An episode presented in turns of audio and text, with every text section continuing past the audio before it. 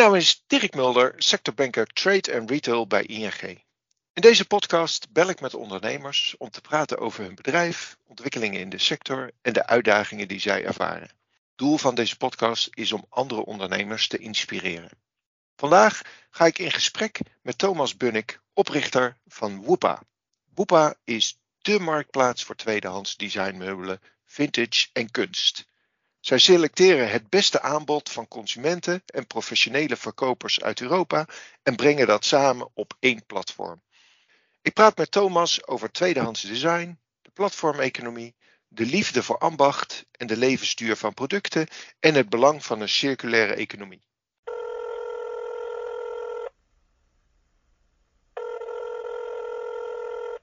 Goedemorgen Thomas. Goedemorgen. Um, laten we maar direct beginnen. Kun je wat vertellen over jezelf en over Woepa? Ja, nou, hartstikke bedankt voor de uitnodiging. Superleuk om deel te nemen aan jouw uh, reeds uh, zeer bekende podcast-serie. Mijn naam is Thomas Bunnik, ik ben 39 jaar, woon in Amsterdam samen met mijn vrouw en co-founder Evelien. Um, en daarnaast hebben we ook nog twee hele lieve kindjes. Ik ben begonnen als ondernemer na een uh, carrière van acht jaar bij ABN AMRO Bank. Daar kwam ik terecht in het beleggingsvak. En heb ik gedurende die periode beleggingsproducten bedacht, maar ook concepten gedefinieerd waarmee we konden zorgen dat die beleggingsproducten bij de belegger terecht konden komen. Zowel in de Nederlandse als de internationale markt. Daar was ik wereldwijd verantwoordelijk voor investment funds en ETF's en een aantal andere productgroepen. Totdat ik op een gegeven moment op het idee kwam dat een deel van de manuele processen waar we mee te maken hebben als het gaat om vermogensbeheer, uh, zouden kunnen automatiseren om op die manier ervoor te zorgen dat de kwaliteit van de beleggingsdienstverlening zou kunnen worden verbeterd.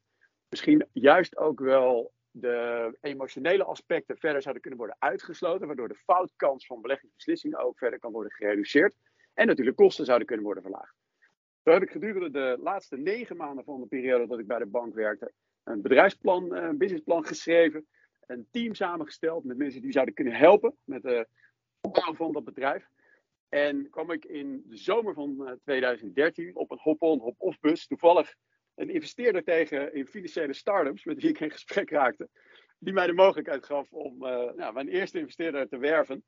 Uh, en op basis daarvan kreeg ik het vertrouwen in het feit dat ik iemand zou gaan ontmoeten die zou kunnen helpen om mijn droom te verwezenlijken. Ik ben met hem in gesprek gegaan. Hij woonde in Nieuw-Zeeland. Ik heb daar toen wel geteld 23 uur en 29 minuten doorgebracht. Want ja, ik, ik kon wel op vrijdag vrij nemen, maar op maandag om 9 uur moest ik toch echt weer op, op kantoor zijn. Dat is een lange reis geweest. Korte, uh, een hele korte trip, ja, exact. Maar uh, die, die, die reis die, uh, kon, kon, gelukkig nog een keer worden herhaald. En gaandeweg verzamelde ik een aantal mensen met wie ik het bedrijf, bedrijf daadwerkelijk zou kunnen opbouwen. Uiteindelijk hebben we een voorstel gekregen van die desbetreffende investeerder die we hebben afgewezen. Maar we realiseerden ons wel dat we iemand, hadden, dat we iemand zouden gaan vinden die zou gaan helpen met de start. Dus heb ik op mijn dertigste verjaardag ontslag genomen. En eh, toen begon in 2014 mijn, mijn avontuur als ondernemer. Ja. Dat was overigens niet de eerste keer dat ik daarover nadacht. Ik heb ook toen ik in uh, 2004 en 2005 regelmatig in New York was voor familiebezoek, al een, een deal gesloten met een uh, herenmode keten, een concept -hmm. die mij aansprak, die ik zou willen introduceren op de Europese markt, waar ik een franchise deal mee sloot destijds. Maar ik, toen ik eenmaal thuis was, realiseerde ik me dat ik gewoon te onervaren was. Eigenlijk niemand had met wie ik het kon doen. Er veel te groot financieel risico mee zou moeten nemen. En bovendien uh, forse afspraken moest maken met de desbetreffende partij. Dus toen ben ik dus eerst nog een periode bij een bank gaan werken. En dat was een zeer waardevolle ervaring. En dat had uiteraard ook ING-bank kunnen zijn. Ik raad het iedereen aan. En gedurende de eerste uh, maanden van het bouwen van de onderneming in 2014 kwamen we voor behoorlijk wat serieuze uitdagingen te staan. Het geld raakte op. We konden eigenlijk geen investeerders vinden, want de droom die we hadden was een vereiste een significante investering. Maar gelukkig liepen we tegen een onderneming aan die beschikte over een licentie, waar al klanten gebruik maakten van het platform. En de investeerders eigenlijk niet meer wilden doorinvesteren in het huidige management en het management de rol aan ons wilde overdragen. We zijn in gesprek geraakt met de AFM en de DNB.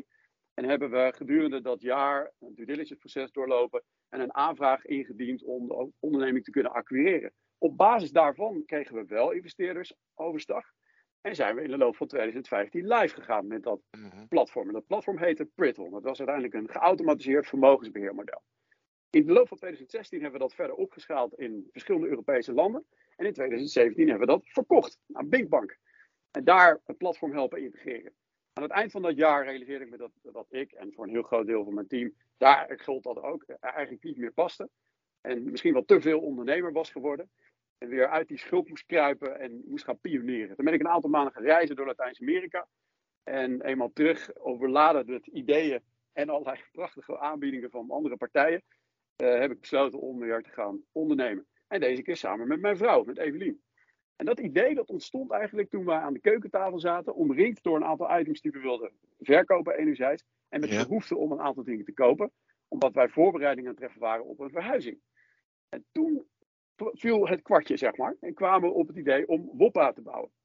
We vonden dat we als ondernemers een bijdrage zouden moeten leveren aan de verduurzaming van leven op aarde, zeg maar Ja. maatschappij. We zagen in de praktijk dat er eigenlijk nog niet een, een, een winnend platform was die gericht was op deze categorie.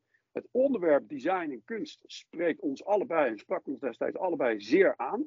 En zo zijn we ons eigenlijk in een sneltreinvaart gaan verdiepen in wat voor propositie er dan bij zou passen om die klant te kunnen bedienen in het midden- en hoge segment. En juist in het midden- en hoge segment, omdat daar over het algemeen meer wordt geconsumeerd en mensen nog niet zo gewend zijn aan het gebruik maken van tweedehands artikelen of geen platform hebben om kwalitatief hoogwaardige tweede, tweedehands artikelen makkelijk te verkopen.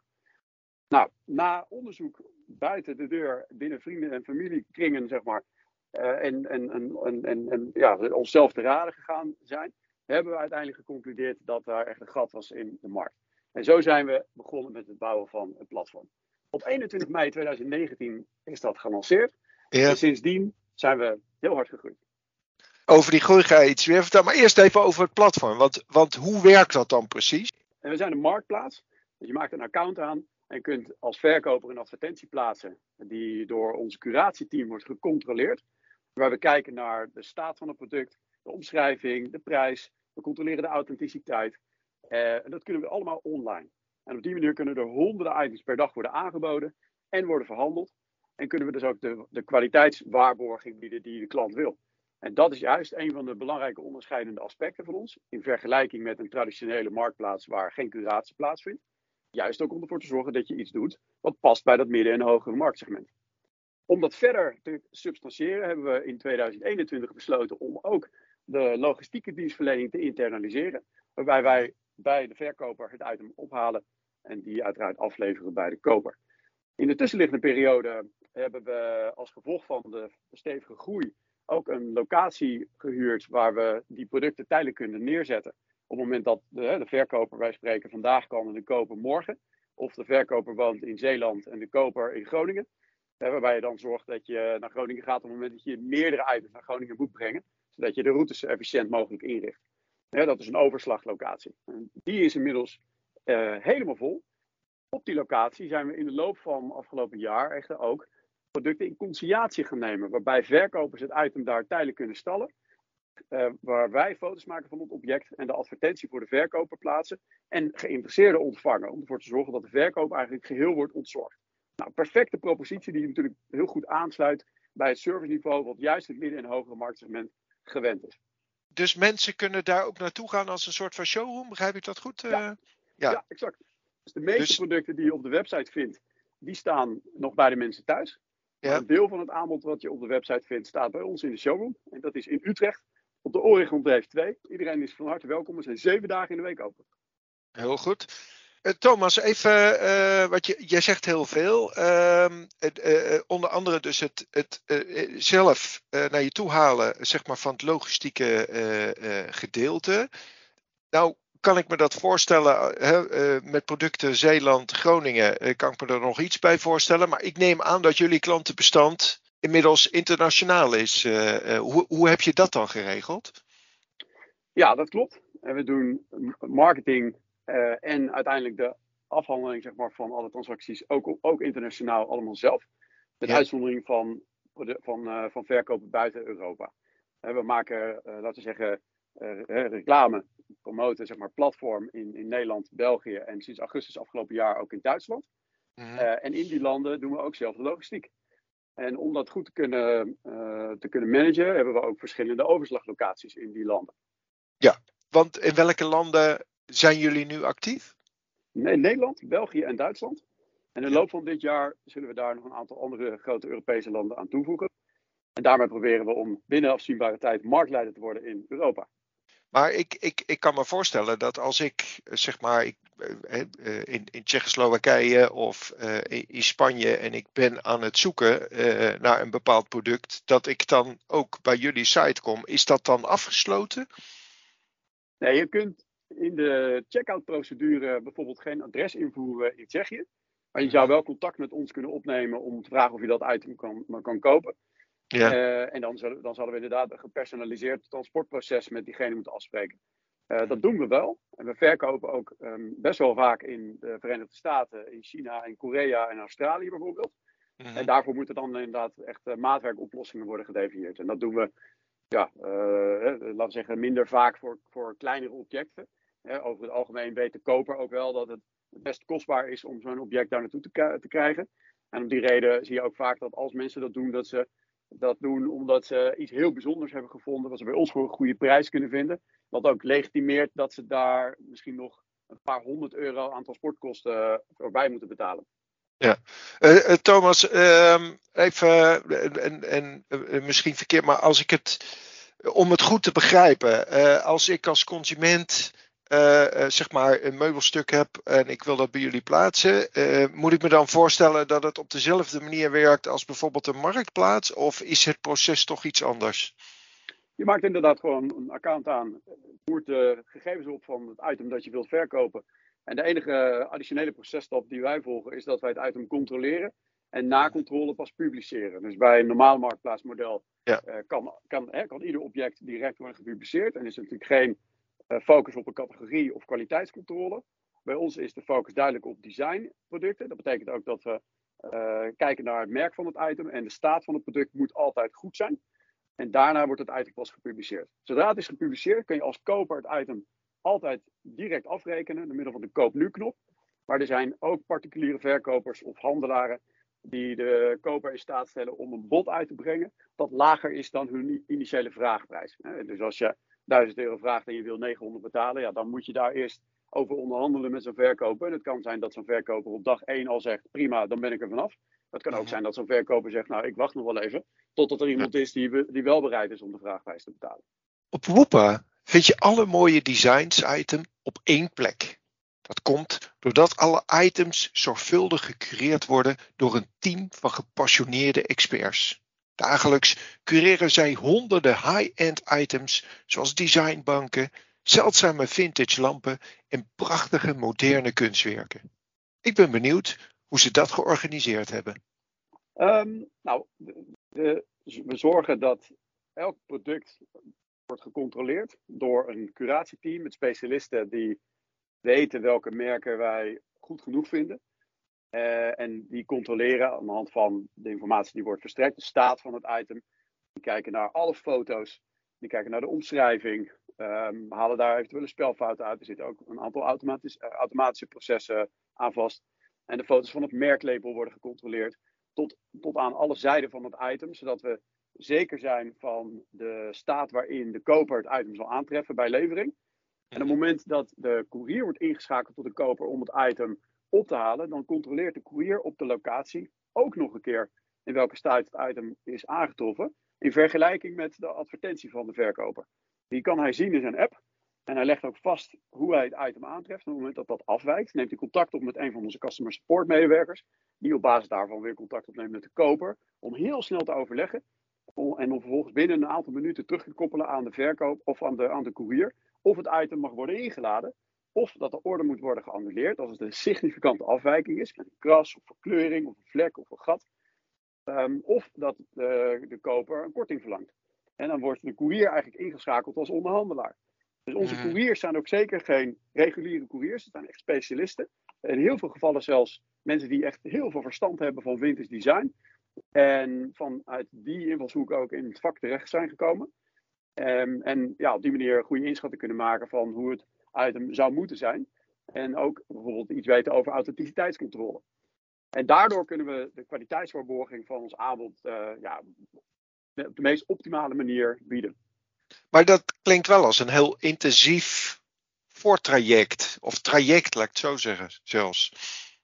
Online is het controleren van een item 30 seconden tot 60 seconden werk. In sommige gevallen wijkt het af. Als we bijvoorbeeld niet bekend zijn met het merk of met het, uh, met het item. Of we twijfels hebben over de authenticiteit. Uh, dus er, uh, het gaat met name om het feit dat er voldaan moet worden aan de minimale vereisten. Het gaat om de informatie die moet worden verstrekt door de verkoper. Um, en alleen dan komt het item ook bij ons in het curatiesysteem terecht. Dus heb, heb, je, vrij snel door. Heb je, heb je dan een systeem daarachter zitten waarvan je zegt een soort van uh, logaritmes, datasystemen die al een uh, voorselectie kunnen doen, bij wijze van spreken? Of, of gaat het echt allemaal nog, zeg maar, handmatig, die, die, die kwaliteitscontrole? Nou, het is, het is, het is, eigenlijk zou het andersom moeten, moeten, moeten zien. op het moment dat je een advertentie aanmaakt, dan zie je al binnen welke categorie een product moet vallen. Dan mm ook van welk merk een item mag zijn. En op het moment dat dat, dat, dat afwijkt, dan weet je eigenlijk al dat dat, dat dat product waarschijnlijk niet geschikt is. Ja. Nou zijn er ook heel veel designmerken die wij misschien nog niet kennen. Um, en voeren we ook regelmatig nieuwe merken op. Maar in de praktijk zie je wel dat klanten over het algemeen heel goed begrijpen waar wij voor staan. We zijn een designmarktplaats. En mhm. meer dan 75% van de artikelen die worden aangeboden, kunnen wij ook meteen goedkeuren. En van die 25% is dat zeker niet zo, uh, is dat zeker niet grotendeels omdat het merk niet oké is. Maar in, in, in, een, in, een, in een deel van de gevallen is dat vanwege de staat, in een deel vanwege het merk en in een deel vanwege bijvoorbeeld uh, nou ja, andere omstandigheden. Ja. En dat kan ook zijn dat het item bijvoorbeeld bestaat uit 84 onderdelen en van, van 6 hoog moet komen. En, het een en, en, en, de verkoper vraagt of wij willen helpen met het, uh, met het, uh, het demonteren van een object. Of eventueel de koper vraagt of we willen helpen met het monteren. Dat, dat soort services verlenen we niet. Op het moment dat de klant het product dan wel wil aanbieden bij ons, dan zullen we ook in de omschrijving toevoegen dat het item alleen door de koper kan worden opgehaald. dan zullen wij zelf niet betrokken raken bij het transport. En daar is ons, ja, ons proces gewoon niet uh, voor ingericht. Niet op ingericht, ja. Nee. Nou ben je natuurlijk uh, gebaat hè, als, als bedrijf, als platform bij veel traffic. Hoe zorg je dat consumenten jullie vinden en, en blijven terugkomen? Ja, nou, om, om bekendheid te krijgen zetten we uh, uiteraard veel traditionele kanalen in. Online marketing in de breedste zin. Van social media tot de, de, de search engine optimization technieken die je kan inzetten. Om ervoor te zorgen dat al het aanbod goed wordt geïndexeerd en makkelijk wordt uh, gevonden via Google, waardoor je natuurlijk veel organisch uh, verkeer creëert. Maar we hebben bijvoorbeeld in 2020 en 2021 ook televisiereclame gemaakt. Juist mhm. toen de COVID-pandemie uitbrak, hebben we besloten om tv-reclame te maken. Omdat we toen dachten, ja, dit is een uitgelezen kans waar zoveel mensen thuis zitten. Die enerzijds uh, allemaal tegen dezelfde interieurstuk aan zitten te kijken. Anderzijds niet naar de winkel kunnen. En allemaal aan de buis gekluisterd zitten, zaten vanwege de omstandigheden. Um, en bovendien heel veel andere partijen uh, marketingcampagnes hadden geannuleerd, waardoor er minder vraag was naar televisiecampagnes. En er heel veel capaciteit was, zeg maar, van, hè, van, van zendtijd. En als gevolg daarvan konden wij uitzenden tegen een zeer gereduceerd tarief. Waardoor we um, ja, versneld eh, zijn gegroeid in die uh, periode. Dat heeft ons een enorm vliegwiel-effect opgeleverd. Um, maar daarnaast benaderen we bijvoorbeeld ook handelaren of andere zakelijke aanbieders die grootschalig gebruik kunnen maken van ons platform om te verkopen. We hebben ook wat bekende Nederlanders als investeerders die bijdragen aan de bekendheid van Hoppa. En daarnaast moet je natuurlijk iedereen die je tegenkomt vertellen over je bedrijf. Dat is heel belangrijk. En naarmate we hard groeiden, zijn we, zoals gezegd, ook het ophalen en afleveren van items zelf gaan doen. En inmiddels hebben we tientallen busjes rondrijden die groot zijn uitgemeten met Boppa-reclame. En dat draagt allemaal bij aan de bekendheid en de retentie van gebruikers. En er zijn gelukkig ook veel klanten die andere klanten aandragen, waardoor we organisch ook hard blijven groeien. En, en, en, en dan, hoe zorg je dat ze terugkomen? Eh, kan je consumenten aan je blijven binden op een of andere manier? Hoe doen jullie dat? Nou, retentie is het meest waardevolle element in het bedrijfsleven. En mhm. het winnen van een klant is, is net zo belangrijk als deze vasthouden, al, al dan niet meer. Um, en ik denk dat dat een van de, van de elementen is waar wij vanaf dag één heel veel aandacht naar hebben laten uitgaan. We zien ook dat naarmate klanten meer transacties doen, hun klanttevredenheid blijft toenemen. Dus er is een positieve correlatie tussen het aantal klantervaringen en hun klanttevredenheid. Uh, we investeren daar natuurlijk in een full service propositie. Aan de ene kant door middel van een website en een app. Die kun je trouwens ook downloaden. Woppa via de Play Store en de App Store. En natuurlijk logistiek, curatie, veilig betalen via een platform, via Stripe. Zorgen dat de verkoper altijd krijgt uitbetaald. Zorgen dat de koper altijd zijn item krijgt.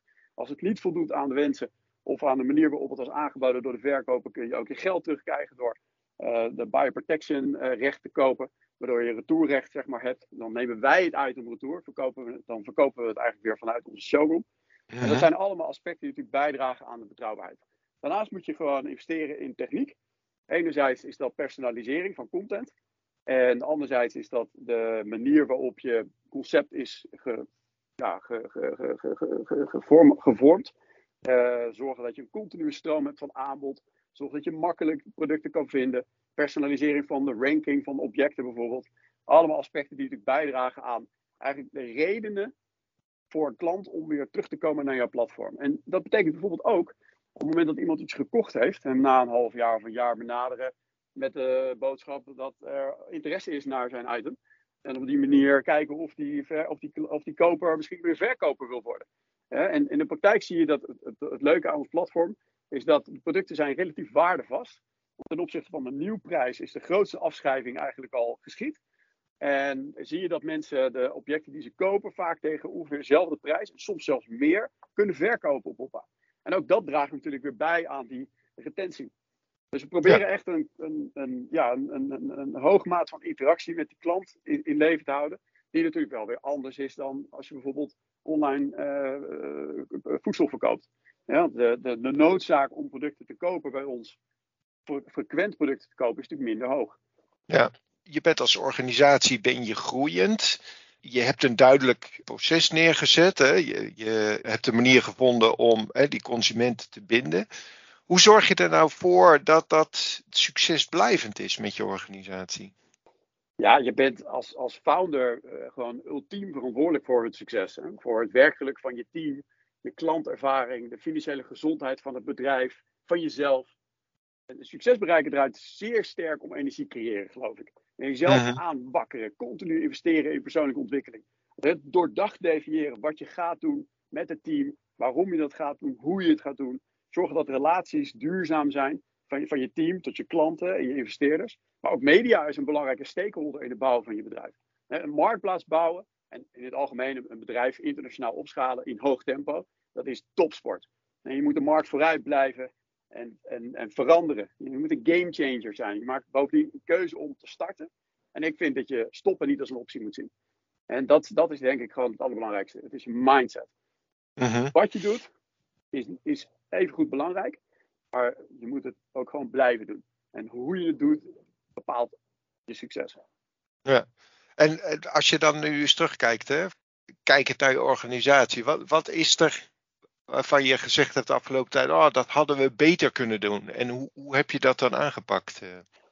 Nou, we kunnen de adoptie van tweedehands interieuritems uh, sneller laten groeien door de klant een, een, een nog betere klantervaring te bieden. Bij, uh, bij Woppa willen we eigenlijk dat je een transactie ervaart als beter dan een aankoop van een nieuw artikel.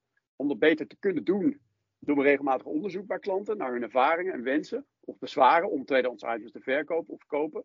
Daar voeren we mhm. ook continu verbeteringen door in onze uitleg over hoe WOPA werkt. Dat je kunt rekenen op de kwaliteitswaarborging, veilig kunt betalen, geheel ontzorgd kan worden door onze gespecialiseerde couriers. Maar we investeren bijvoorbeeld ook in toevoegingen aan onze service voor de klant. Om bijvoorbeeld 3D-modellen te maken van items. Zodat je deze met augmented reality virtueel kunt plaatsen in je woning. Om voor je aankoop te zien of het past en hoe het staat.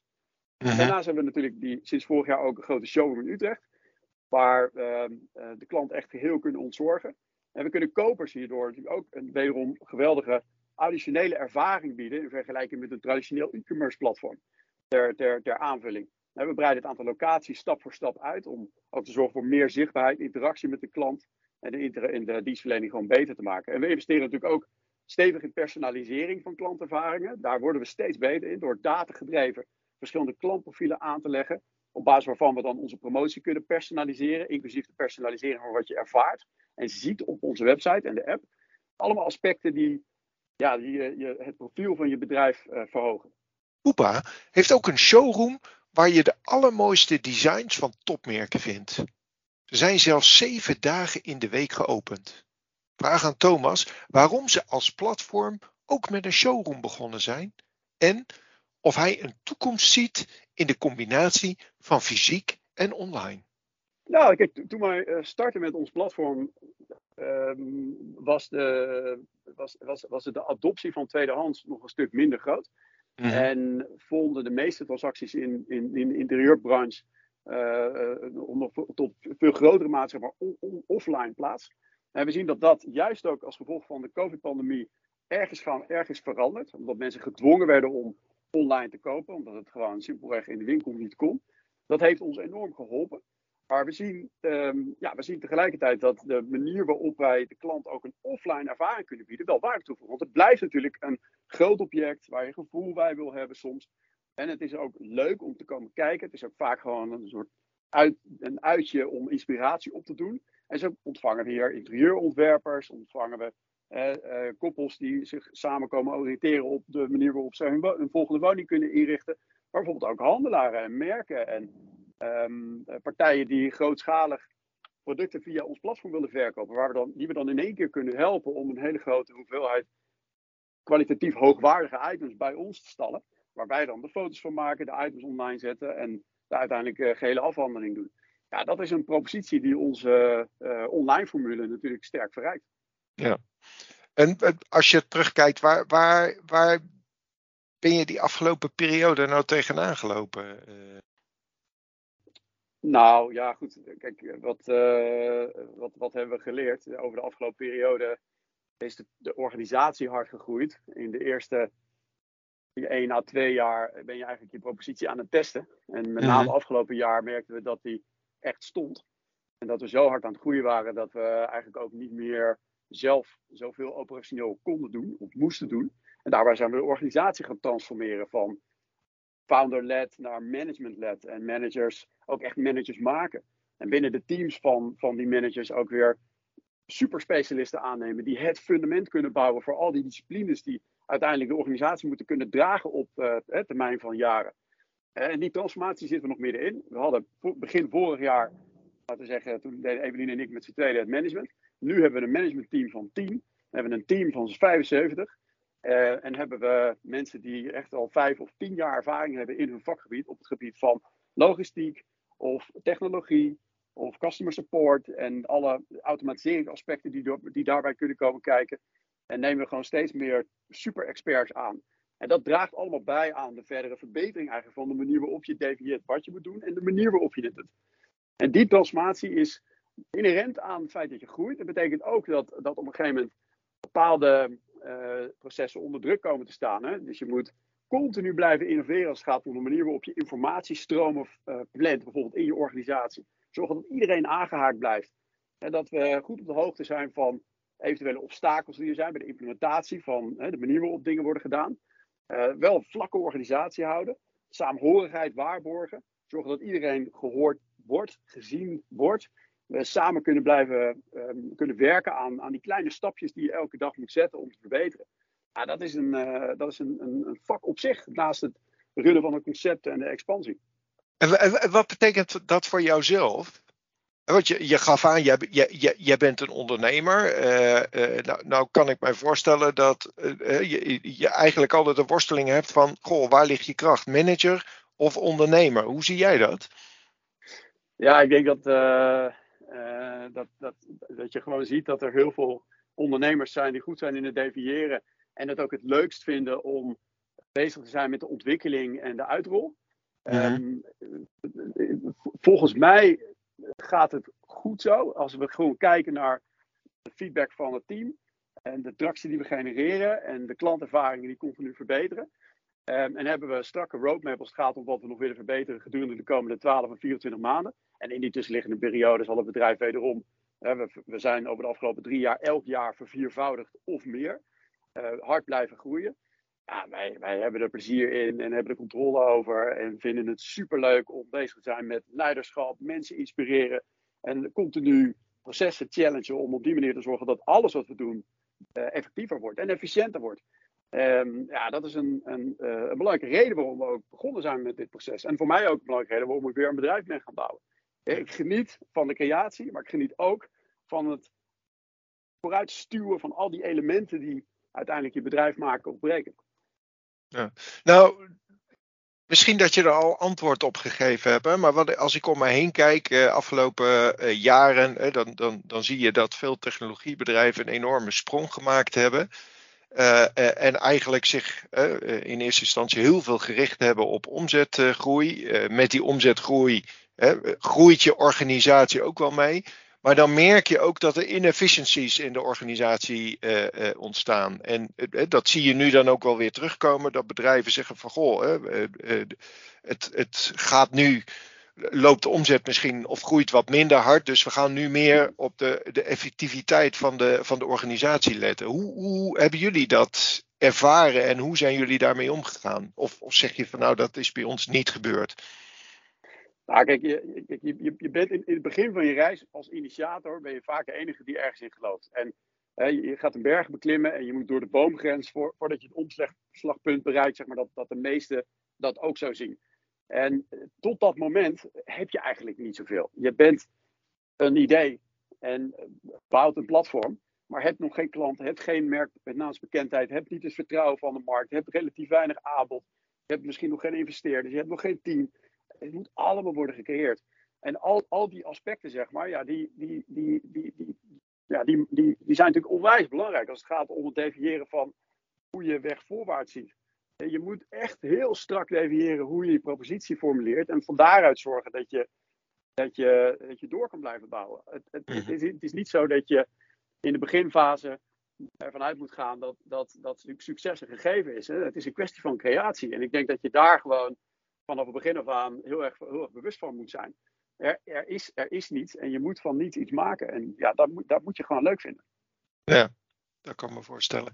Uh, iets anders wat mij triggerde in jouw verhaal. Hè, van, van jullie zijn de afgelopen tijd uh, uh, hard gegroeid. Jij gaf ook aan, hè, sterk, sterke mensen om je heen verzameld. om uiteindelijk je processen te verbeteren.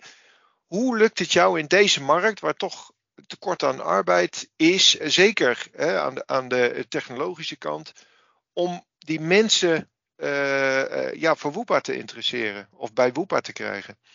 Na verloop van tijd zie je dus ook dat het, dat het ja, te legitimeren is dat je toptalent aantrekt. Of dat je misschien zelf niet meer aan kan wat je moet doen.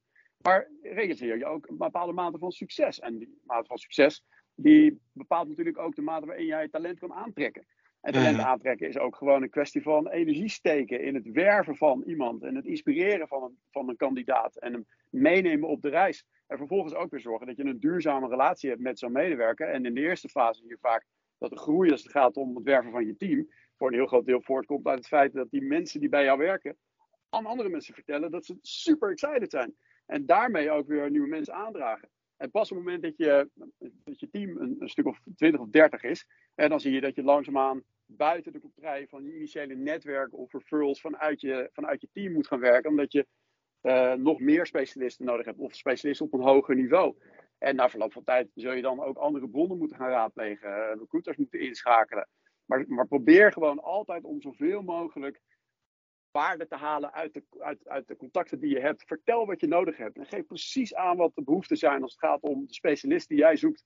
Ken je iemand waarvan je weet dat die iemand uit je team kent, vraag diegene of die jou daar kan introduceren. En uh, je ook samen exact het script wat, wat, wat resoneert bij die potentiële kandidaat. En doe dat bij investeerders. Laat het in de media horen. Zorg dat je, dat je duidelijk aangeeft dat je ambitie hebt. En ook dat is iets wat natuurlijk aantrekkingskracht bewerkstelligt.